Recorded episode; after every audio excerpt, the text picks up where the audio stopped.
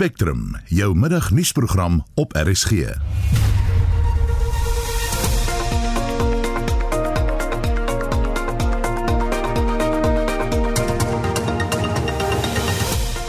Die jongste misdaadstatistiek word tans bekend gemaak en ons hou jou op hoogte van die statistiek.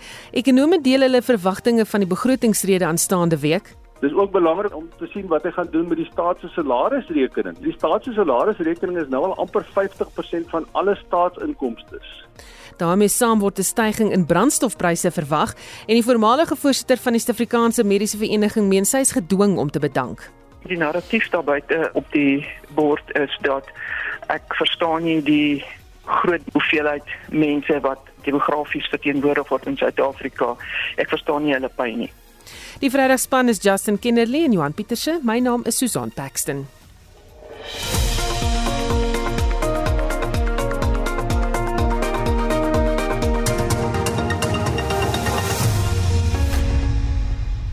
Dis nou bykans 6 minute oor 12 en die minister van Polisie Bekkie Cele is besig om die misdaadstatistiek vir die periode 1 Oktober 2021 tot 31 Desember 2021 bekend te maak. Die syfers is vroeër aan die Parlement se portefeulje komitee oor polisie voorgelê. Moorde en geweld teen vroue en kinders het toegeneem en ons kyk na so 6859 moorde, 11315 verkrachtings tussen Oktober en Desember. En ons skakel nou oor na die media-konferensie waar hy praat. More than 1,000 of them will have this test. 91,489 police officers have been trained in victim empowerment, domestic violence, sexual offences related programs.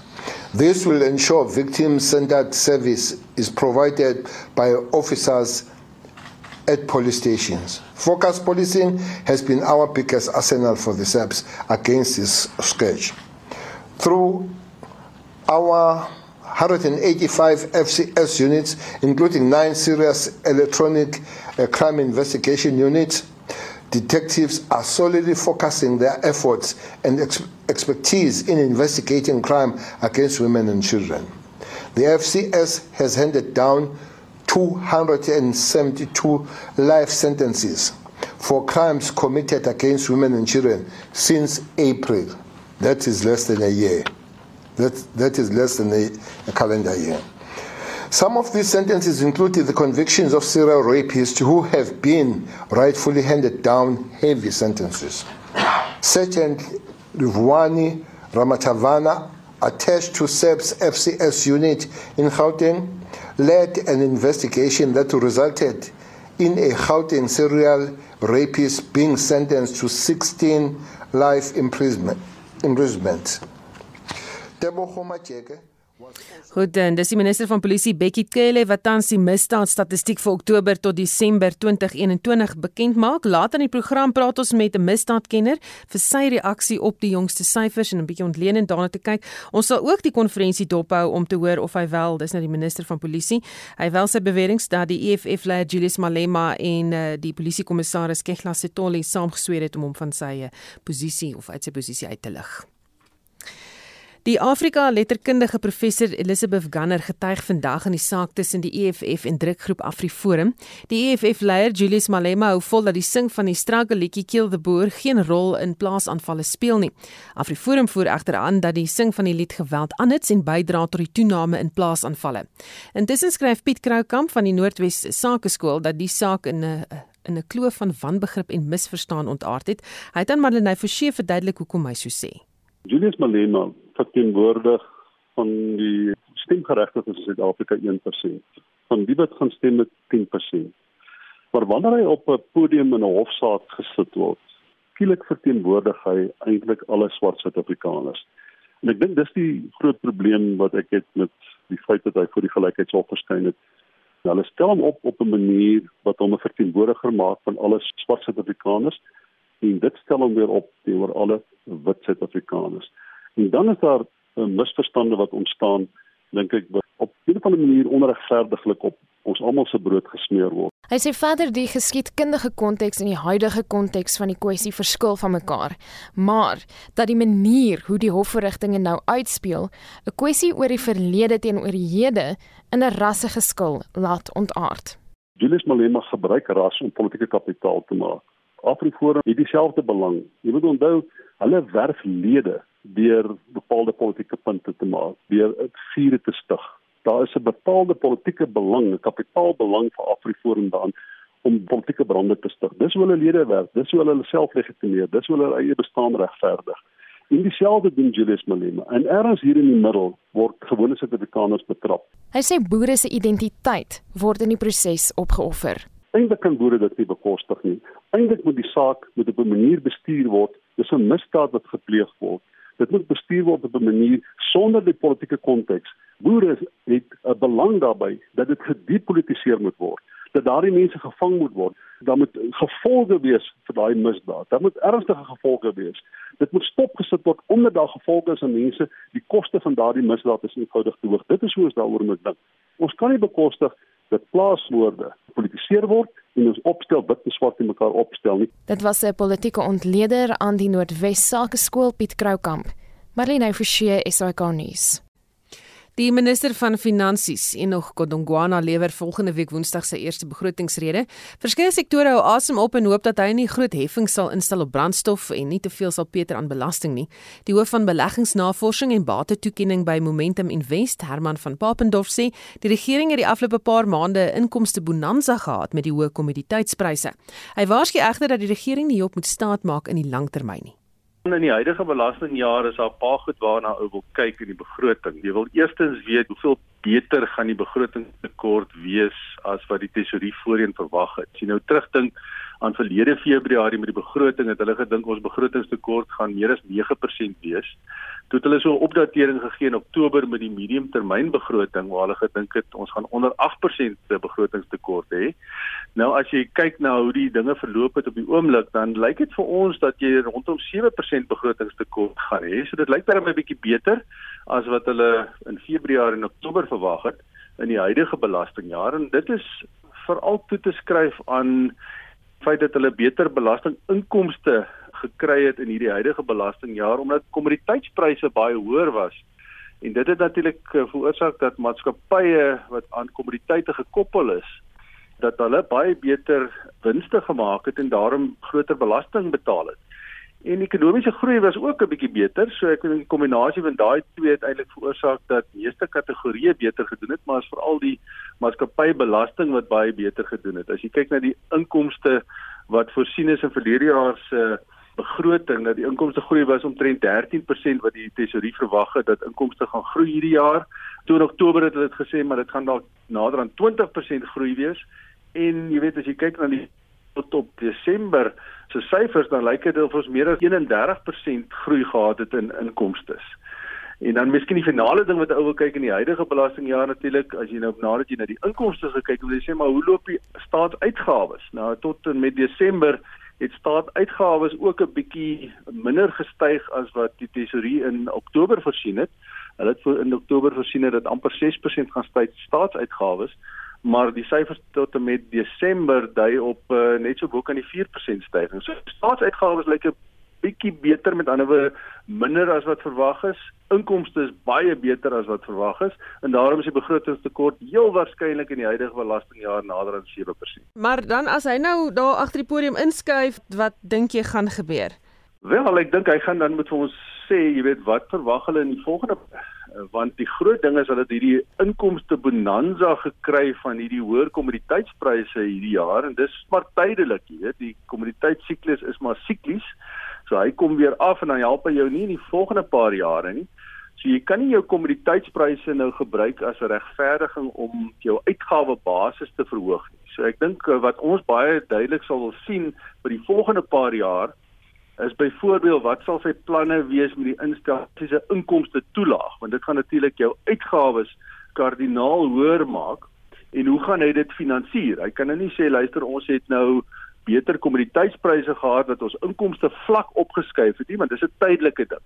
En daarom gaan ons dit gebruik dan om 'n permanente skuif opwaarts in ons uitgawes deur 'n basiese inkomste toelaag in te stel uh, veroorsaak nie want jy moet basies jou permanente uitgawebasis as jy hom hoër vat deur goed te doen soos 'n basiese inkomste toelaag, moet jy dit finansier met 'n permanente inkomste stroom. Jy kan dit dan nie finansier eintlik met 'n tydelike inkomste stroom wat jy nou maar kry omdat jy nou gelukkig was dat kommoditeitspryse hoër was. So daai is een ding wat ons baie duidelik moet na kyk in hierdie huidige in die begroting wat hy nou gaan voorstel vir die volgende jaar of twee.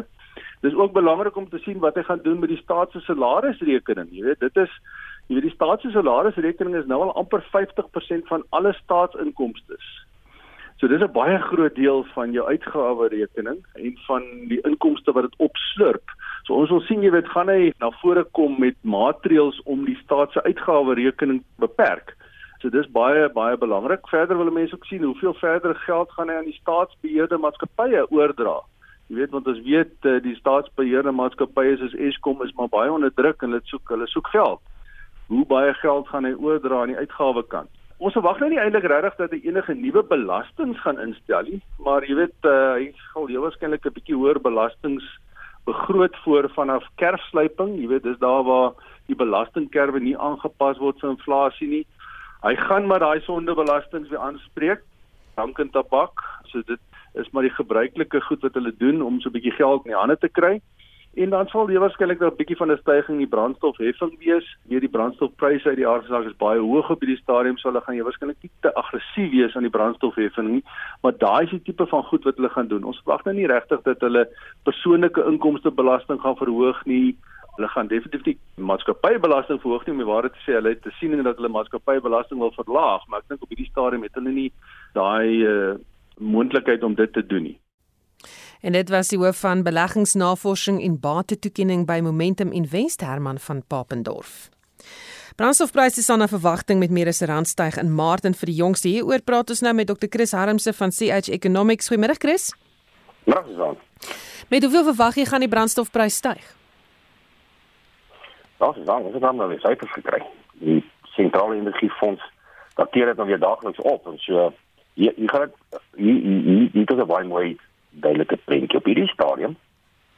Die huidige wisselkoers en die huidige vlak van olie is petrol 125 sent onder verhaal en diesel 129 sent. So verbruikers maak hulle maar self reg hier kom 'n uh, stewige stygings.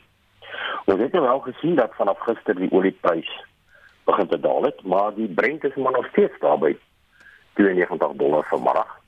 Uh rond uh en die rand en neig nou om natuurlik onder 14 onder die 15 rand te gaan.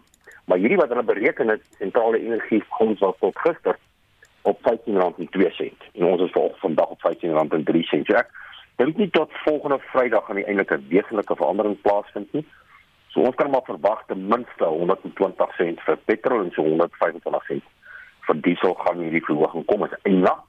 Uh uh natuurlik wat gaan die regering doen? Ons het dan net gehoor hulle gaan baie versigtig wees om hierdie petrolprys te verhoog. Dit dit gaan 'n dit gaan 'n groot politieke debat ontwikkel en die openbare mening die gewone man op straat daar buite is nou is baie moeg daarvoor. Hulle gaan maklik hulle gaan maklik hierdie verhoging weer uh uh dit die voete van die regering lê en dit is nie so nie maar uh kom ons sê ons kry 5% verhoging dan oor die sentrale energiefonds en ook die die uh, gewone normale belasting dan beteken dit jy kan aan die einde van van Maart, maar dan word dit begin April, want dit sal eers in April inskop, maar dan kan jy letterlik verwag om 170 sent per liter weer te betaal as dit op die oomblik betaal. So wanneer ons gaan hier oor die 21 liter gaan. Uh en dit is nie goed nie, is nie goed vir die inflasiekoers nie. Hm. Ek wil terug gaan na iets wat jy nou vroeër genoem het, um, en dit is dat uh, aanvanklik het die uh, sentrale energiefonds uh, mos nou besluit om nie die data bekend te maak nie, maak hulle dit dus nou weer bekend. Uh, ja, definitief.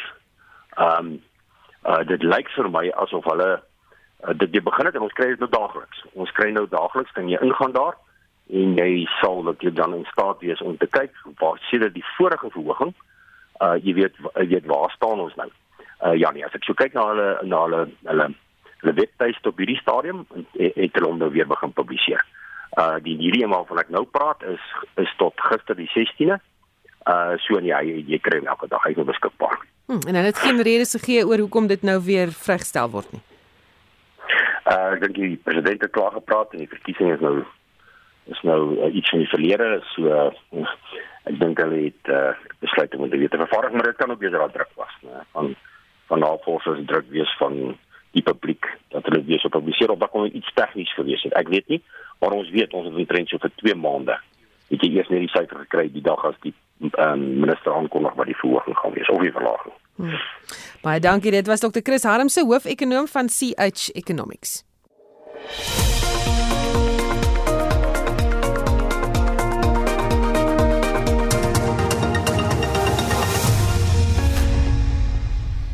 Pol politieke nuus die Noordwes premier Bushi Mapi se provinsiale rede vandag lok wyd belangstelling uit weens onder meer die plaaslike regeringskrisis in die provinsie. Theo Venter is 'n onafhanklike politieke en beleidsontleder wat sake daar dophou. Goeiemôre Theo. Goeiemôre. So hoe kom die premier voor omtrent 5 maande nadat hy nou verkies is? Wel Susan, dit is vir my 'n aangename verrassing. Ehm um, ek het nou in voorbereiding vir nou se gesprek gou na 3 of 4 vorige provinsiale redes gaan kyk beginnende by Supramaya Mapelo, deur die van Job Magoro tot by Bushimape. En die groot oorwoe verskil is Supramaya Mapelo se staatsredes was absoluut politieke provinsiale redes eerder. Ehm um, vol allerlei politieke innuendo en wat ook al. Ehm um, Job Magorosen was lank en uitgereik. Uh, herinner my so 'n bietjie aan 'n akademikus wat wat um, regeer. En, en hier kom ons by Bushi Mape. Hy was 'n amptenaar wat bevorder is tot premier. Dis op die man af. Dis kort. Hy sê wat hy wil sê en hy kry klaar. En ek dink dit is hoe 'n provinsiale rede behoort te lyk. So wat lei hy in sy provinsiale rede as die vernaamste uitdagings vir hierdie provinsie? Wel, ehm um, oor hoofs het hy 3 of 4 goed aangespreek wat ek dink absoluut gefokus was. Hy het die hele kwessie van swak ekonomiese groei, 'n geweldige groot werkloosheid, uh jeugwerkloosheid en dan dui hy aan dat ehm um, die provinsie is besig met samewerking met ehm um, met georganiseerde ehm um, besigheid. Hy hy hy noem die Noordwes Kamer van Koophandel, Chamber of Commerce by die name en hy noem by die naam dat die plek wat die meeste aandag verg is Dietsebotla Lichtenburg want dit is waar die ehm um, privaat sektor en die regering die vinnigste moet saamwerk. So dit is vir my gefokus. Die tweede deel van sy fokus wat vir my nogal goed was is dat hy infrastruktuur ehm um, uh in sy in sy uh vergrootglas plaas en dan lys hy omtrent 'n stuk of 10 of 12 paaie wat in hierdie jaar verbeter gaan word en een daarvan is 'n slaggat strategie 'n pothole strategy wat hulle begin. Wel dis noodsaaklik. Ek dink nie net vir Noordwes nie, maar ook vir die Vrystaat waar ek nou die dag was. En dan in die derde plek spreek hy landbou aan, die noodsaaklikheid van landbou grondhervorming, dit is alles reg.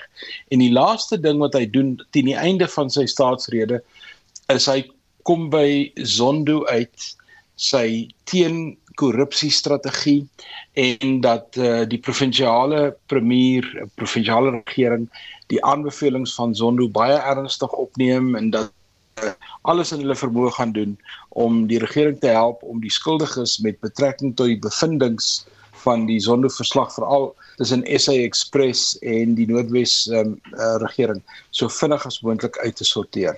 Hm. En wat presies beplan hy om aan die krisis in plaaslike bestuur te doen? Nou dit is die groot krisis in die provinsie want nie alleen is die provinsie nou al vir die beste deel van 3 jaar onder administrasie nie en hy noem dit reg aan die begin van sy provinsiale rede maar uh, die meerderheid feitelik al die plaaslike regerings in Noordwes is in een of ander vorm van administrasie wat na die verkiesing natuurlik opgehef is en uh, die uh, hulle stig nou 'n uh, plaaslike regerings hulpstelsel om plaaslike regerings te help om hier uit te kom en dan het hy hom weer eens verbind aan die ehm um, distriksontwikkelingsmodel en in die provinsie gaan dit genoem word the one plan met ander woorde dat provinsies en en plaaslike owerhede moet saamwerk en dan maak hy die aankondiging dat die president vroeg in maart sy eerste besoek aan die Noordwes gaan bring in sy lys van besoeke aan provinsies om vas te stel wat is die stand van plaaslike regering na die November 2021 verkiesing. So ek dink hierdie provinsie skud op die oomblik sy vere reg om die president oor 'n week of twee te ontvang. Hmm. En sal dit nie skibreek bly weens die faksiegevegte onderweg uh, na die ANC se nasionale leierskapskonferensie nie? Interessante vraag.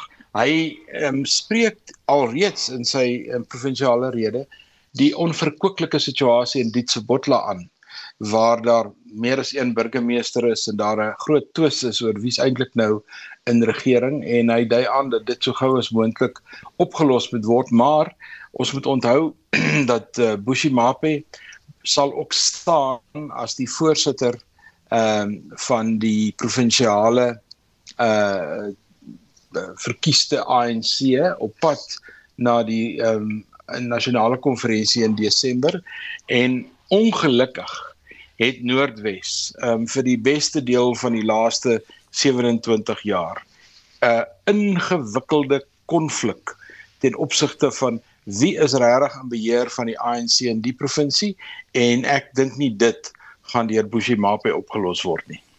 Baie dankie, dit was Theo Venter, onafhanklike politieke en beleidsontleder van die Noordwes provinsie. Waarnemende hoofregter Raymond Zondo het weer eens vir uitstel gevra met die afhandeling van die werk van die kommissie na staatskaping wat hy lei. Hy sal slegs 'n gedeelte daarvan aan die einde van die maand oorhandig en die res teen einde April. Ons praat hieroor met advokaat François Botha. Goeiemôre François. Goeiemôre Susan, gaan dit goed? Met my gaan dit goed, maar wat sou die, die rede wees vir die verdere uitstel as Zondo self aanvanklik gesê het hy sal teen einde van Februarie sy verslag volledig afgehandel hê? Die Sonderkommissie se termyn kom amptelik tot 'n einde volgende maandag die 28ste Februarie.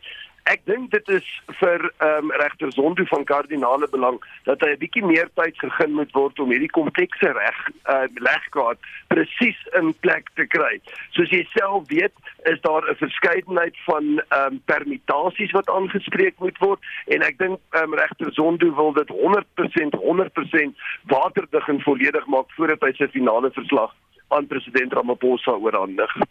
Beteken dit nou dat Ramaphosa nou langer sal neem om van Zondo se aanbevelings in werking te stel? Uit die aard van die saak is daar reeds remedierende aanbevelings gemaak. Ons weet almal dat die nasionale vervolgingsgesag het onsaglike ehm um, uh menslike hulpbronne en finansiële hulpbronne tekorte, met ander woorde uitdagings wat hulle die hoof moet bied. Ek dink daar is genoeg in meneer Egenregte Zondo se verslag wat hy al reeds vir president Ramaphosa gegee het om reeds te begin met die vervolging van daardie um, individue en maatskappye wat um, hy geïdentifiseer het. Baie dankie, dit was advokaat Fransja Botus. Hy het onder meer oor Prasa vir die Sondekommissie getuig. Die voormalige voorsitter van die Suid-Afrikaanse Mediese Vereniging, Dr. Angelique Kutse, sê haar mede-raadslede het haar as te ware gedwing om te bedank. Sy het vanoggend op Monitor gesê dat sy laat gisteraand eenvoudig die besluit moes neem. Hierdie was nie 'n vergadering om direkteur rotasie aan te spreek. Dit was op die agenda geplaas vir as die laaste punt, so by die agterdeur ingesluip om na direkteur rotasies te kyk. Teen 0.30 gisterand het ek besef die enigste manier as ek nie hierdie raad nou gaan keer om besluite te neem teen wat uh, regsadvies is wat ingewin is nie ten opsigte van weet wie kan die nasionale voorsitter en ondervoorsitter kies. As ek nie nou gaan bedank nie as die nasionale voorsitter nie dan gaan ons 'n groot drama in hardloop vorentoe met ons lede. Jy kom op 'n punt in jou lewe wat jy net moet besluit hoeveel van hierdie politiek het jy nodig? En is dit regtig die pad vorentoe? So hierdie is vir my 'n baie moeilike ding. So ek het net toe op die ingewing van die oomblik gesê luister kom ek maak dit vir julle maklik en ek bedank Kutsie het verlede maand op 'n radioprogram beweer dat ras 'n rol speel wanneer studente aansoek doen om medies te studeer. Trouwens, sy sê ras is die deurslaggewende faktor eerder as prestasie. Boonop is daar verskillende vereistes vir die onderskeie rasse.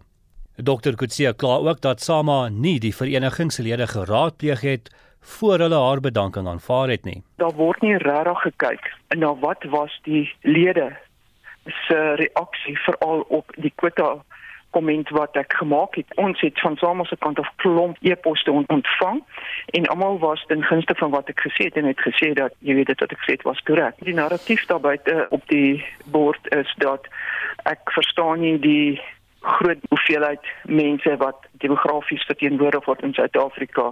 Ek verstaan nie hulle pyn nie. Maar hoekom bedank as hy so sterk oor die saak voel? As jy op so 'n raads vergadering sit.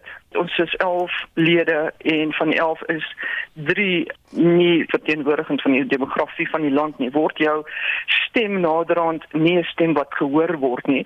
Hoe meer jy verduidelik maar dit wat jy nou wil doen is nie wetlik korrek nie.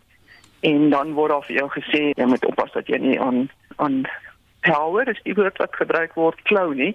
Ek bedoel dit is baie keer baie moeilik. So ten minste kan ek nou met stasies praat en my persoonlike hoedanigheid en dit maak dat ek dan nou baie meer kan krities staan teenoor wat tans besig is om te gebeur in die land. Vereers bly sy egter nog 'n SAMA raadslid. Ons moet sê dat ons nie polities en nie rasgedrewe organisasies nie. As ek sien ons gaan nie hierdie doen nie dan ek weet dit ek ook nie 'n pad vir my in SAMA nie. Die adjunkvoorsitter van die SAMA raad, Dr. Mvuyisi Mzukwa, sal intussen waarneem as voorsitter. Ek is Justin Kennerly vir SI Garnis.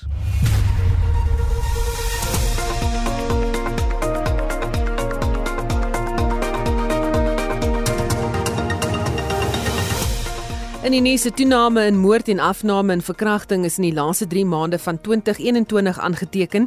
Meer polisielede word ook opgelei om sake van geweld teen vroue en kinders te ondersoek. Meer hieroor later in die program en Toto?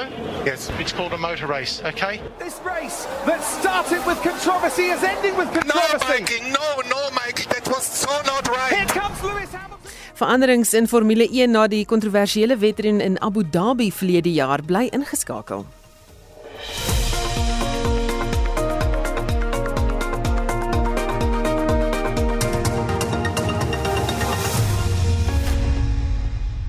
Die Suid-Afrikaanse cricketliefhebbers staan verstom oor die wyse waarop die nasionale span in Nieu-Seeland sukkel in die toetsreeks teen die Kiwis. Die Netwerk 24 sportskrywer Tinus van Staden probeer sin maak van die Proteas se benarde spel. Tinus, goeiemiddag. Goeiemiddag. 'n Slagting, 'n nagmerrie, 'n vernedering, skryf jy vandag. Was dit werklik so erg? Ek dink so. Uh die feit dat Suid-Afrika vir 95 uitgebou is op die eerste dag was reeds erg. Maar mense gedink dalk is die golfplat regtig net verskriklik bowlersvriendelik en en dalk is dit die rede hoekom hulle so gesukkel het. Toe kom New Zealand en slaan 482 uh, lopies in in sy eerste beurt en sterk kan golfers soos Neil Wagner en Matt Henry slaan amper 50 talle en dan weet jy net jy slaan dit in 'n vinnige tempo. So dan moet mense jouself vra is die golf is die is die golftoestande werklik so moeilik of is dit net 'n geval dat die Protea kolwer swak gekolf het en dat die bowlers reg swak gebou het. Dan kyk mense na Suid-Afrika in die tweede beurt net voor uitskyttyd het hulle 9 bilbeter trotseer en hulle die uitskyttyd op uh, 34 vir 3 bal. Hulle was in 'n stadium op 4 vir 3. So ja, nee, ek dink ek dink dit is veilig om te sê dat dit dat dit baie erg is. Wat was die verwagtinge vooraf? Dis 'n goeie vraag. Ek dink ehm um, mense was optimisties geweest nadat die Proteas so goed gevaar het teen Indië, daai iets weer gewen het nadat nadat hulle die eerste pitch verloor het en ook die wyse waarop hulle gewen het met twee baie goeie jaagtogte in die laaste twee pitche. Mense was maar ook realisties seker geweest New Zealand is die beste pitchspan in die wêreld. Hulle het die wêreldpitchkampioenskap gewen. Ehm um, maar hulle was wel ook sonder drie van hulle beste spelers in in Kane Williamson wat 'n besering het, Trent Bolt wat 'n uh, 'n baadjie verwag en en Ross Taylor wat uitgetree het. Suid-Afrika was natuurlik ook sonder Keegan Peterson wat wat positief getoets is vir COVID-19 kort voor die vertrek. So dit was dit was uh, bietjie uh, onseker geweest wat om te verwag, maar mense minstens verwag dat Suid-Afrika uh meer dinge sou weet. En onthou ook Suid-Afrika het nog nooit in sy geskiedenis 'n toetsreeks teen Nieu-Seeland verloor, tuis of weg. So ek dink daar was hoop geweest. Mense besef die span is in 'n oorgangsfase, maar vir daai redes wat ek nou genoem het, was die verwagting verseker nie gewees dat hulle na dag 2 met 353 lopies agter sou wees nie. Hmm. Is daar enigiemand in die Protea span wat spesiale vermelding verdien? nee. Die beste Suid-Afrikaners was uh Neil Wagner wat vir die gaan speel.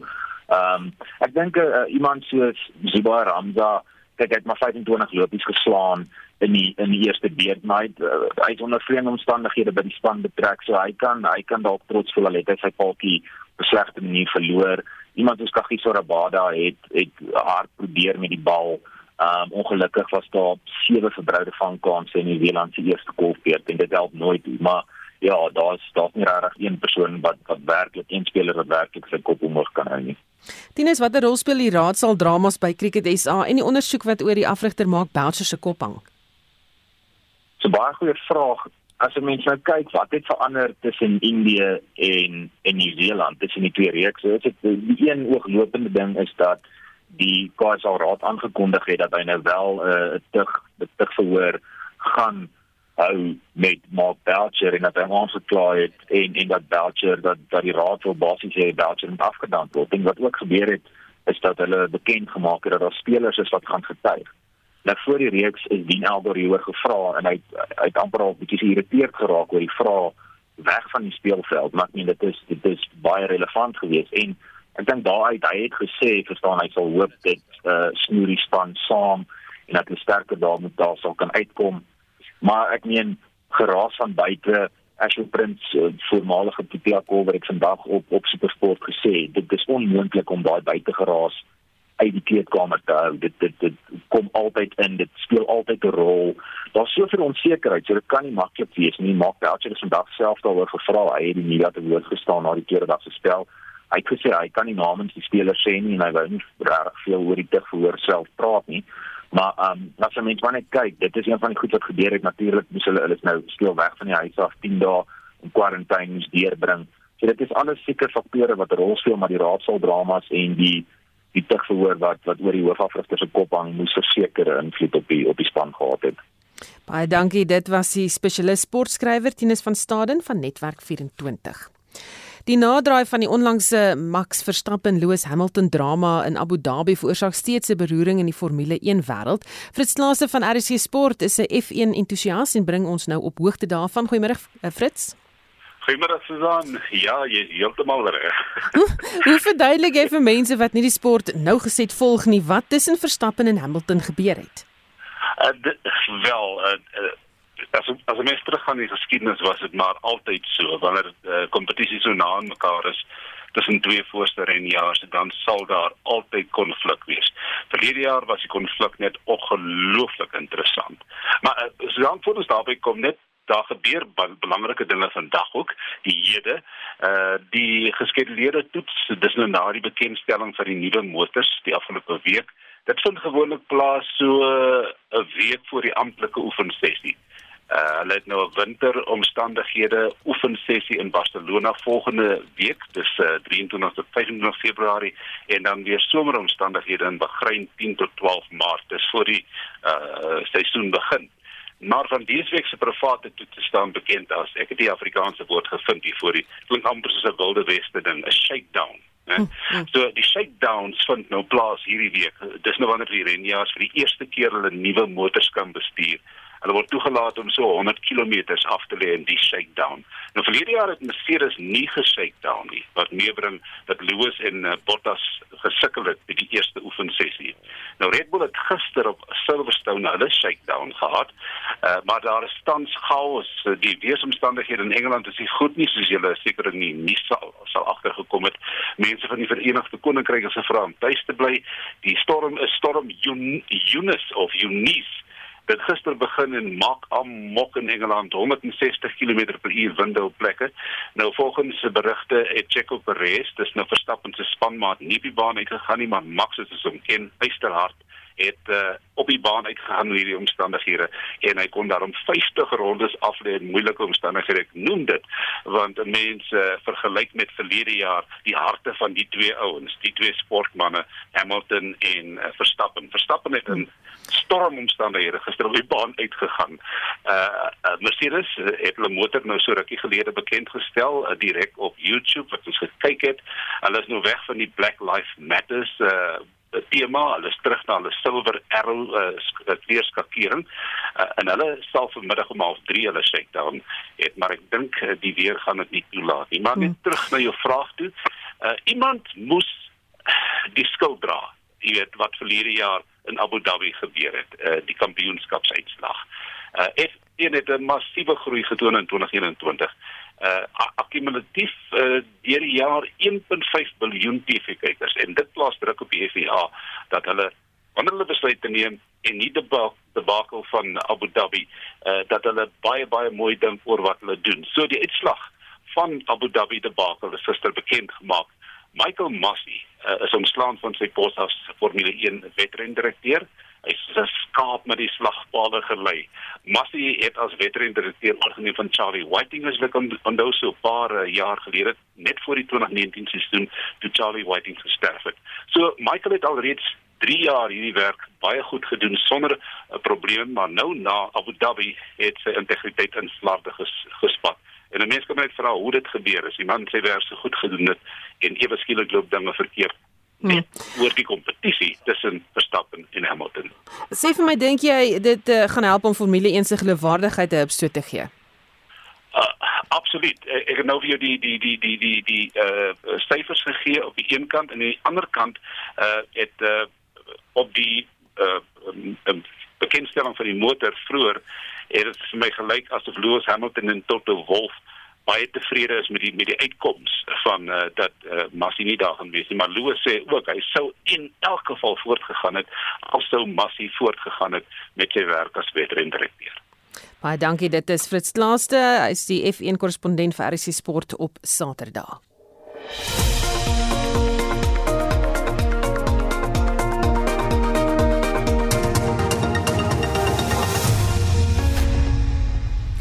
'n 14-jarige leerling van 'n skool in Motherwell in die Oos-Kaap is in die hospitaal na 'n selfmoordpoging. Die boodskap wat sy neergeskryf het voor die poging lei: "Ek is genoeg verneder." Sy is glo deur 'n onderwyser afgeknou. Die voorval speel af in tiener selfmoordbewusmakingsweek of week eerder, maar hy Forsie het meer besonderhede. Die meisie het selfmoord probeer pleeg deur 30 pille te sluk. Die betrokke onderwyser het haar na bewering verneder voor haar klasmaats deur haar te dwing om vir 'n uur lank hurkoefeninge te doen. Die onderwyser het haar na bewering deurentyd gespot. Atani wat anoniem bly om die kind se identiteit te beskerm, sê hulle is ontsteld. So the more she apologized and then he started to swear at her name calling and then he even said you disgust me get out of my class. And then the child didn't go out immediately so then he shoved the child against the wall. It's not the first time i got reports. I really received reports from the ex students of the school from other kids as well. I don't think the school takes this matter seriously because none of the school teachers came to my mom to ask how is she doing or how is the child doing 'n saak van aanranding is by die polisie aanhange gemaak. Nie die skoolhoof, beheerraad of onderwysers wou kommentaar lewer oor die saak nie, maar die woordvoerder van die Oos-Kaapse Departement van Onderwys, Malibongo Mtima, sê hulle is bewus hiervan. We have conducted a preliminary investigation with the learners. We are awaiting then therefore a report from the teacher concerned and we are aware that he has confirmed that he'll be back at school on Thursday. Upon arriving, we'll be requiring this report that we believe will share clarity and inform the decision to be taken by the department on this matter. Bykans 10% van alle tienersterftes kan volgens die Wêreldgesondheidsorganisasie aan selfmoord toegeskryf word. 'n Kliniese sielkundige, Dr Tabisa Mabusela, sê kinders is veral in die tyd van hul lewens onkundig oor hoe om met hulle emosies saam te leef. Sometimes a tendency to blame oneself depending on the reason why one is distressed, a sense of guilt Sometimes the person might not even know why they are feeling guilty, but they might just feel a sense of guilt as if they have done something wrong. So there's a lot of emotional difficulties that are experienced by people, which for most of the time become the precursor. 'n Bedryfsbestuurder by die Uviwe Jeugsentrum, Trudy Beneder, sê daar is hulp beskikbaar vir jong mense. Ons luister en dan probeer ons maar raad gee en wanneer ons voel dat dit meer gespesialiseerde hulp nodig het, dan verwys ons ook na relevante organisasies. Ek dink dit is belangrik om te onthou dat baie keer selfmoordgedagtes of gedagtes rondom die beëindiging van jou eie lewe baie keer loop hand aan hand met depressie en met angs. En dit is partykeer nie iets wat noodwendig net met gesels opgelos kan word of met terapie opgelos kan word nie. Baie keer is medikasie ook nodig. As deel van tiener selfmoordvoorkomingsweek word onderwysers en ouers bemagtig om tieners by te staan wat getuister word deur selfmoordgedagtes. Die verslag deur Kim Daniels, Marlene Forsie is ikonies. Nou, Marlene berig verder die Suid-Afrikaanse Depressie en Angsgroep Sadag besoek jy skool om leerders bewus te maak daarvan dat daar 'n ander uitweg is as selfmoord. Die groep se woordvoerder Fatima Sidat sê hulle probeer leerders op 'n persoonlike vlak bereik. We go from class to class. We don't do assembly talks. In that way we know that each child in a class is getting the attention they need and also because if you have a smaller group you tend to get more attention from your listeners and our talk is extremely interactive So they are very keen to, you know, respond, answer questions instead of just being talked to. They are interacting with us, which is important. Navorsing wat deur SADAG uitgevoer is, toon verskeie redes wat lei tot selfmoordgedagtes. There's a lot of bullying, there's trauma, there's gender-based violence. A lot of teenagers are also feeling quite depressed at this moment due to the environment where they're living in, relationship issues, loneliness as well. Sy glo dat verskeie skole steeds nie opgewasse is om die kwessie te hanteer nie. There are schools where there are social workers that are there working, but the caseloads are heavy and unfortunately with mental health we're so under resourced. So what SEDA tries to do is to give extra support wherever we can and show kids that they can contact us at any time. We open 24 hours. And whatever they're going through, we can maybe just assist and then refer them on or give them more permanent support.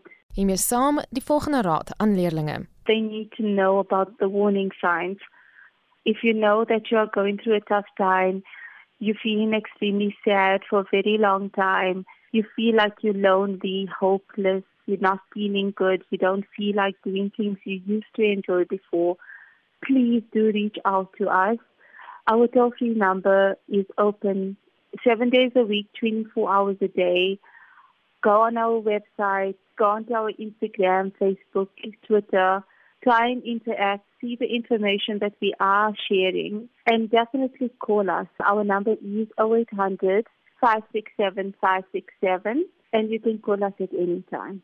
Dit was die woordvoerder vir die Suid-Afrikaanse Depressie en Angsgroep, Fatima Sidat.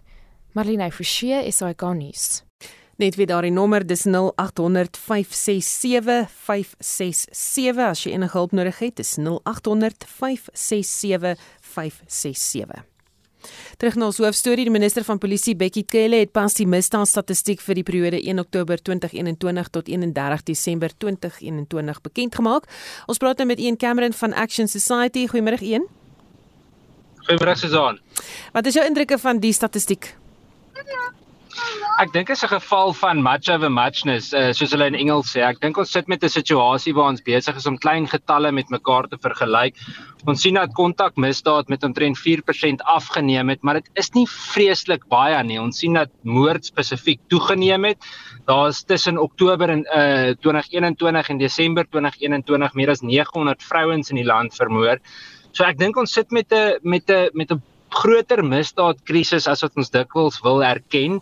Ek dink ons sit met 'n situasie waar die uh polisie eintlik net uh toeskouers is vir die misdaadkrisis in die land. Ek dink nie Bekkie Cele en Kega Setole het tans die vermoë om 'n wesenlike impak te maak met misdaad nie en uh en daarom is ons besig om die stryd te verloor. Is daar iets anders uit hierdie statistiek wat jou opgeval het? Een is jy daar? Nee, lyk like vir my ons het hom daar verloor. Kos hoor, kos hoor net gou weer of hy daar's een. Nee. Daar's hy, kan jy my hoor Susan? Daar's hy, was so vir 'n oombliekie weg. Is daar iets uit die statistiek wat jou opgeval het? Ehm um, ek ek ek, ek ekskuus ek het nou 'n bietjie weggeraak. Ek weet nie wat ek nou wat het julle gemis dalk nie, maar ek dink die die groot bekommernis vir my is ons sien dat iets soos moord met 4% toegeneem het. Uh en uh en en ons sien dat daar meer as 900 vrouens tussen Oktober 2021 en en Desember 2021 vermoor is. Maar soos hulle in Engels sê, is dit 'n geval van much of a muchness. Ek jy weet dit is een van daai ehm um, een van daai gevalle waar die die getalle is is maar net nommers. Dit uh, is besig om van van mense net getalle te maak en en ek dink die krisis waarmee ons sit in polisie bestuur is is is baie belangriker om nou te bespreek. Goed soos die geveg tussen Bekkie Cele en Kegla Setole, uh die feit dat die polisie duisende wapens per jaar verloor, uh iets selfs verkoop uh ensovoorts ensovoorts. So ons sit met 'n krisis. Ek dink van van ons kant af is dit is dit krities dat ons erken dat die polisie besig is om toeskouers te word vir die misdaadkrisis. Hulle is eintlik besig om 'n verwysingsnommerdiens te word. Ons is nie besig om die stryd te wen nie en uh, daar gaan wesenlike ingryping moet wees om hierdie stryd uh die uh jy weet die die ja om die, om die stryd te begin wen. Baie dankie dit natuurlik een Cameron van Action Society. Freddy Rerich van Sanlam Private Welvaart in George die jongste sake nuus. Goeiemiddag Freddy. Goeiemiddag Susan en luisteraars. Internasionaal veroorsaak die geopolitiese spanning tussen Rusland en Oekraïne steeds volatiliteit in markte waar beleggers die situasie monitor en daar 'n rotering plaasvind tussen hoë risikobates na effekte. Nadat die tegnologie swaargewig Nasdaq indeks in die FSA gisterand met amper 3% gedaal het, dit voorkom of die afwaartse druk vandag effens verlig word op nuus van die geskeduleerde ontmoeting volgende week tussen die FSA sekretaris Blinken en die Russiese buitelandse minister Lavrov en die hoop op 'n moontlike diplomatisiese oplossing vir die konflik. Europese markte is vandag versigtig optimisties op die nuus en meestal positief. Kyk ons dan na sommige Europese indekse, die FTSE hoër met 0.19%, die Duitse DAX tans laer met 0.07% en die Franse CAC hoër met 0.33%. Asiëse markte is gemeng, die Nikkei laer met 0.41% waar groot verliese in onder andere die eiendomssektor aangeteken is en die Shanghai is hoër met 0.66%. Plaaslik gaan dit iets beter nadat ons beurs gister laer gesluit het en is die algemene indeks meestal onveranderd van opening en 'n rukkie gelede het die algemene indeks gestaan op 76307 punte of so wat 0.2% hoër met hulpbronne wat die voortou neem. Die finansiële sektor is laer met 0.1%, die industriële sektor is laer met 0.3% en hulpbronne sterker met 1%. Op die koöperatiewe kalender het die NTN vanoggend in 'n handelsverklaring aangedui dat hulle verwag 'n stygings van tussen 25 en 35% in hulle wesensverdienste per aandeel. Die aandeel verhandel sowat 0.8% sterker op die nuus en het Massmart in 'n handelsverklaring aangedui hulle verwag 'n verlies van tussen 684 en 726 sente per aandeel. Die aandeel verhandel dan swakker met amper 3%. Hulpbronne goud verhandel teen 'n 8 maande hoogtepunt van 1891 dollar per ons waar die vraag na die veilige hawebate toeneem. Brent olie laer teen 90.73 dollar per vatjie waar die vooruitsigte van ekstra lewering deur Iran die vrese van 'n aanbodversteuring weens die politieke spanning tussen Rusland en Oekraïne demper. Valuta, een Amerikaanse dollar gaan jou R15 kos, die rand verhandel teen R17.11 teenoor die euro en R20.50 teenoor die Britse pond. Verspoedige naweek en daarmee dan vandag se sake nuus. En dit was eh, Freddie Rerich van Sanlam Private Welvaart in George. Die Opiewater Kunstefees word aan boord van die MEC Orkestra van die 4de tot die 8ste April 2022 aangebied. Dit is verlede jaar weens COVID-19 uitgestel en François de feesdirekteur van die RC Lefra op die Water Kunstefees sê die feesprogram vir April word ook vandag bekend gestel. Hy sê daar is iets vir elke smaak. En ons is dig by 28 verskillende produksies wat ons aanbied op die Water Kunstefees. So jy kan 5, 6 produksies per dag kan jy probeer inpas en dan kan jy so lekker kunste inspuiting kry wat vir jou die hele jaar gaan hou. Nou ons het Kamphoer van uh, Sandra Prinsloo is baie opgewonde oor daardie ene. Dan 'n produksie in die voetspore van Jesus wat deur die broers aangebied word. Ons het Hildeblyk produksie en dis 'n spesiale op die water kunstefees opdragproduksie. Voete van 'n gemsbok. Dit is 'n Hildeblyk aan Randall Wickham natuurlik met sy Griekwak psalms. Dan op musiekgebied het ons 'n klomp lekker produksies wat gebeur daar. 'n Saartjie wat op die skip is. Die landry is daar. Nick Stevens sing Brian Adams en so meer. Op die dansgebied het ons 'n dansuitvoering deur Jackie Job. Wonderlike produksie. Die lewensiklus van die Hottentots God wat deur hierdie internasionale danser uitgevoer word en dit word genoem and then Ons het 'n uh, besondere klavieruitvoering deur ook 'n internasionale pianis, José Diaz, en hy noem dit Sounds of Cinema. En dan het ons drie jong manne wat 'n lekker produksie saamgestel het vir die op die water kunstefees. Hulle noem dit van kose tot voelvry en polisiekarre. En dit gaan natuurlik lekker musiek hê van Koos Kombuis, Johannes Kerkorrel, Fransjo van Cooke en vele meer. Dan baie interessante produksie of projek wat ons ook aangepak het hierdie jaar is skilder en wyn op die water waar jy vir jou self 'n skildery saam met Hanlie Swart en haar kunsterapie kan doen en so na hierdie sessie gaan jy uitstap met jou eie skildery wat jy op die op die waterkunstefees gemaak het. So van wyn gepraat, daar is natuurlik Pasmaats, ons poesieprogram, lekker musiek deur Christo Snyman en voordrag deur Johan Rademan en natuurlik 'n wonderlike gratis wynproe deur van Loofren Wyne. Groei Grotman is daar, die nuwe klug van Lefra Produksies, my vrou se man se vrou word natuurlik ook hierdie jaar aangebied en dan natuurlik ons groot Afrikaanse musiekfees ons dekpartytjie. En uh, ja, op versoek van ons luisteraars het ons ook 'n boere musiekorkes hierdie jaar op die op die waterkunstefees. Baie van ons feesgangers het al gevra maar Man, ons soek 'n bietjie boeremusiek daar op die dek. So ek is baie trots om te kan aankondig dat Henny de Bruin en die Gitaarkerels hierdie jaar saam met ons op die Waterkunstefees is. Swart sê dat inentings noodsaaklik is om aan boord van die MEC orkestra te kan gaan. Volgens MEC Cruises Internasionaal moet alle mense wat op ons op die Waterkunstefees gaan of op enige van die MEC Cruises se vaarte wil gaan, moet ingeënt wees.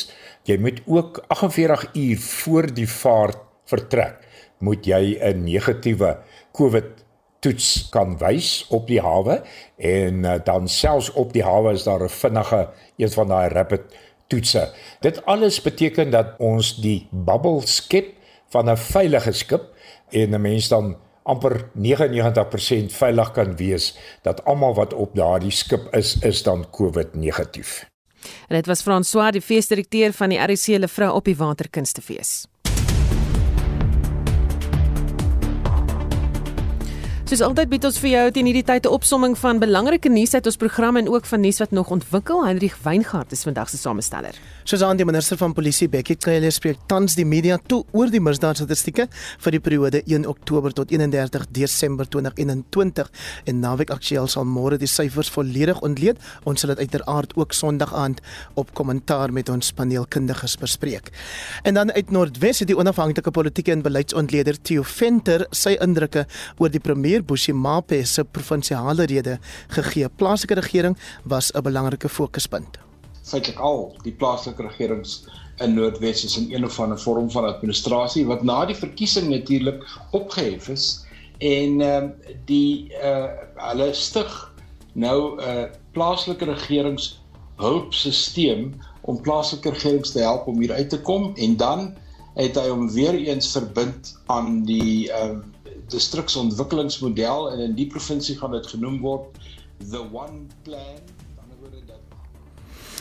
Die ekonom Dr Chris Harmse van CH Economics het 'n voorspelling gewaag oor 'n verwagte stygings van meer as 'n rand einde Maart of begin April van die brandstofprys en dan het ons pas na die pynlike verhaal van die Protea se gebrou teen Nieu-Seeland in die eerste toets deur onder uit die mond van die spesialis kriketskrywer Tieners van Staden gehoor.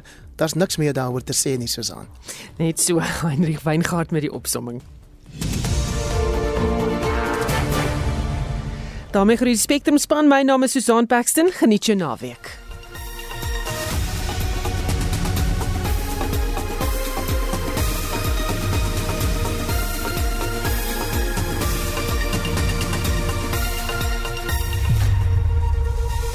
Esai Kahnis, onafhanklik, onpartydig.